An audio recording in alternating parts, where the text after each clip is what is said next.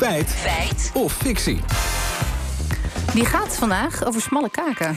Ja, want ik las een artikel in de New York Post dat de mens steeds minder aantrekkelijk wordt. Niet omdat we ouder worden, maar omdat onze gezichten veranderen door de manier waarop we onze boven- en onderkaak bewegen. De tong die zou zo in de mond duwen dat botten verplaatsen en ook wat je eet zou invloed hebben.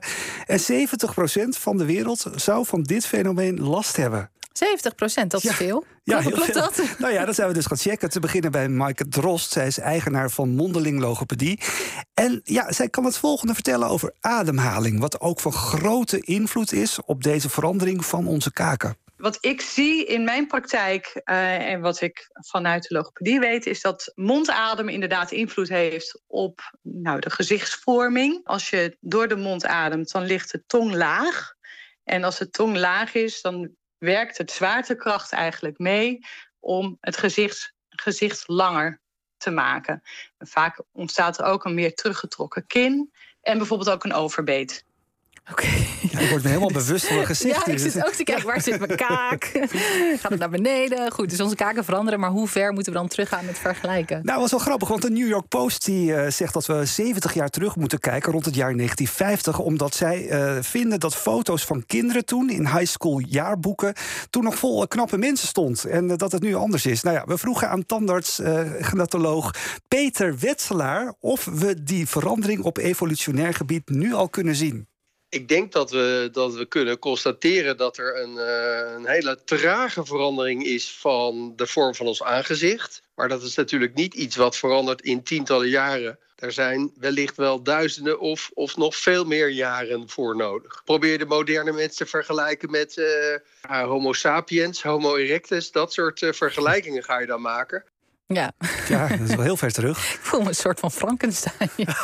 nou, dat valt ook wel weer mee, hoor. Ja. Nou, gelukkig maar, dankjewel. Maar goed, in die tijd kouden de mensen toch ook ja, hun hele gebit kapot. Dit, dat lijkt me dan een groter probleem. ja, voor de tanden lijkt het me ook niet zo goed. Nou, we vroegen Wetselaar hoe dat zit.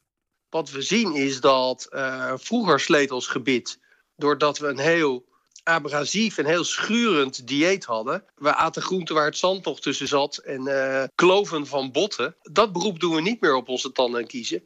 Maar nu is bijna ons dieet altijd zuur, heel zuurrijk, waardoor onze tanden en kiezen niet slijten doordat ons voedsel ruw is, maar doordat ons voedsel zuur is. Oké, dan even terug naar die 70 jaar geleden, waar de New York Post het over heeft. Werden onze kaken toen meer getraind? Nou, met onze eh, verse voorkennis moeten we dus kijken of er in die tijd meer eten was waar we op kouden. Nou, dat vroegen we aan logopedist Maike- Maaike Drost.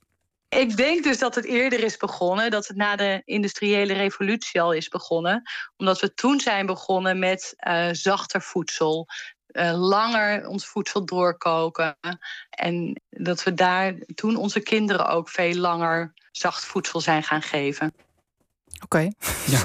Klinkt als een luxe probleem. Als je Ja, ja, precies. Nou ja, we, we hebben Drost ook even gevraagd naar de verschillen tussen hogere en lagere klassen. In de westerse beschavingen zien we wel dat er meer overbeten zijn. En je ziet ook dat hoe meer een land zich ontwikkelt, hoe meer overbeten er ook zijn. Een heel mooi voorbeeld is India, waarbij je ziet dat de hogere kasten vaak meer een overbeet hebben dan de laagste kasten.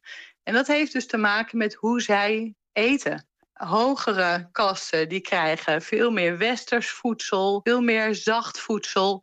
En die lagere kasten die moeten veel meer op hun eh, voedsel kauwen. Oké, helder. Nou, terug naar dat artikel van de New York Post. Klopt het dat onze kaken aan het veranderen zijn omdat we minder aan het kauwen zijn? Ja, volgens Wetselaar en Drost is die verandering zeker te zien doordat meer voedsel vloeibaar geworden is en we ons minder vaak stuk bijten op taai voedsel, raakt die kaak inderdaad onderontwikkeld. Maar in het artikel staat ook dat deze verandering in de jaren 50 al is ingezet. Nou, dat is volgens Drost duidelijk niet zo. Je moet veel verder terugkijken naar toen.